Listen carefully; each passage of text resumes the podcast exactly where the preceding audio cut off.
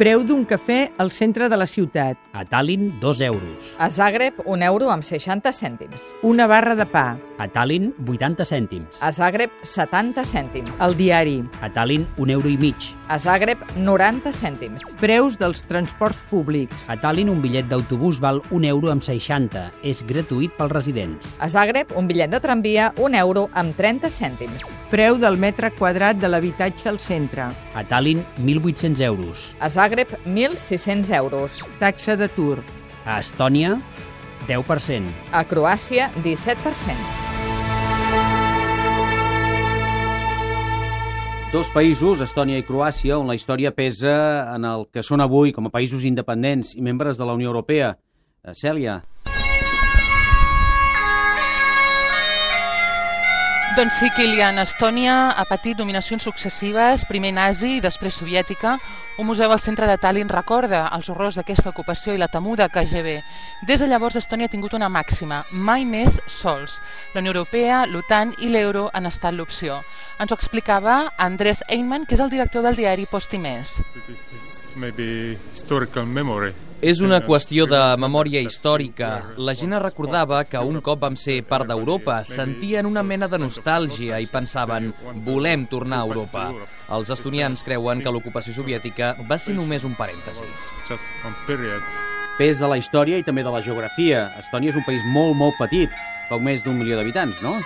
Doncs sí, és molt petit, té molt poca població, la població és d'origen molt divers, la seva història és molt convulsa i per tant és un país gelós de les seves tradicions amb música folk, per exemple, la que sentíem ara. I a més el seu gran signe d'identitat és la llengua. Jan teeb eh, mandleid, mandlite ümber on kuusteist erinevat vürtsi ja neli Una llengua emparentada amb el finlandès i que està protegida. El govern l'exigeix per accedir a llocs de treball públics i aquest és un tema de controvèrsia amb el 25% de la població que és russa i que es declara discriminada. I a Croàcia la història també pesa. Membre de la desmembrada Iugoslàvia, de l'ex-Iugoslàvia, Sergi. Sí, i també a vegades pel tema de la llengua, eh? El Mercat Central de Zagreb, una pagesa, intenta vendre les últimes maduixes. Al seu darrere, en una paret, una pintada on es llegeix «No volem el cirílic a Bukovar». Es tracta d'una de les ciutats amb les ferides més obertes d'aquest país. A les escoles els nens estan segregats entre serbis i croats i els pares fins i tot entren per portes diferents. Doncs bé, ara mateix hi ha una batalla per veure si el cirílic es converteix en el segon alfabet oficial, tal com marca la llei de protecció de minories. Hi ha una campanya per impedir-ho molt important que reclama un referèndum.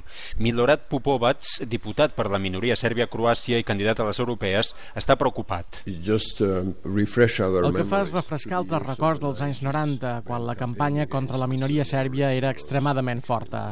And Europe I Europa va tenir una responsabilitat especial en allò.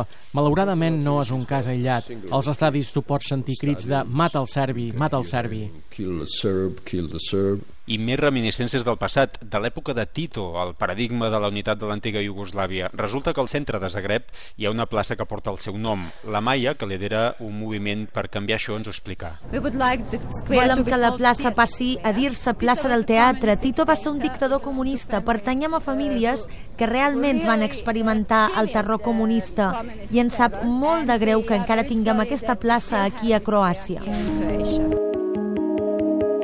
Cèlia, parlem de Rússia. Estònia, l'ombra de Moscou, podríem dir allò de... és allargada?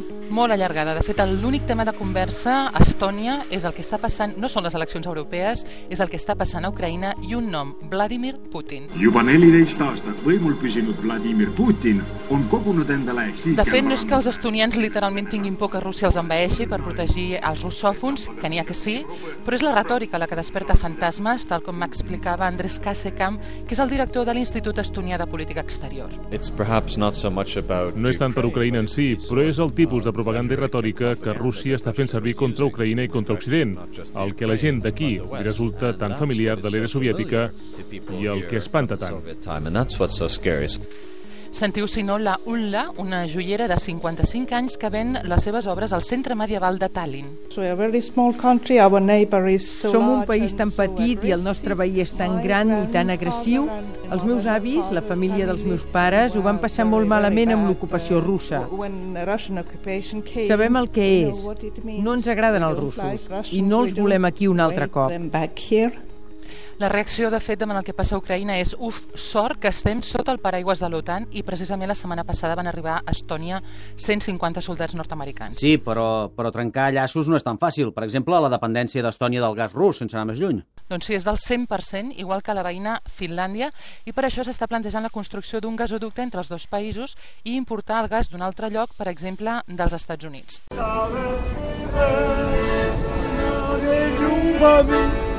Ahir la Cèlia parlava del poder de, de l'Església a Polònia. És així també a Croàcia?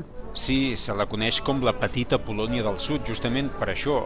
I aquí l'intervencionisme de l'Església Catòlica és màxim dins d'una societat cada cop més conservadora i també dins del govern. Ho exemplifica Dragan Zelic, director executiu de l'ONG per la democràcia COM. L'Església Catòlica Romana a Croàcia és molt influent i poderosa. Ells llencen totes aquestes iniciatives ciutadanes, com per exemple el referèndum de l'any passat per canviar la Constitució en relació als matrimonis del mateix sexe. Marriages un canvi que es va aprovar, per cert, i que s'afegeix, per exemple, al malestar social pel fet d'haver de pagar una taxa universal per l'Església, siguis de la religió que siguis, o, o de cap, fins i tot.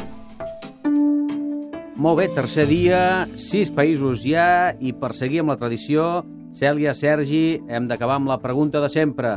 Demà on? Doncs jo aniré, jo us parlaré de Helsinki, a Finlàndia. I jo de Sofia, Bulgària. Molt bé, doncs que vagi molt bé el viatge. Fins demà.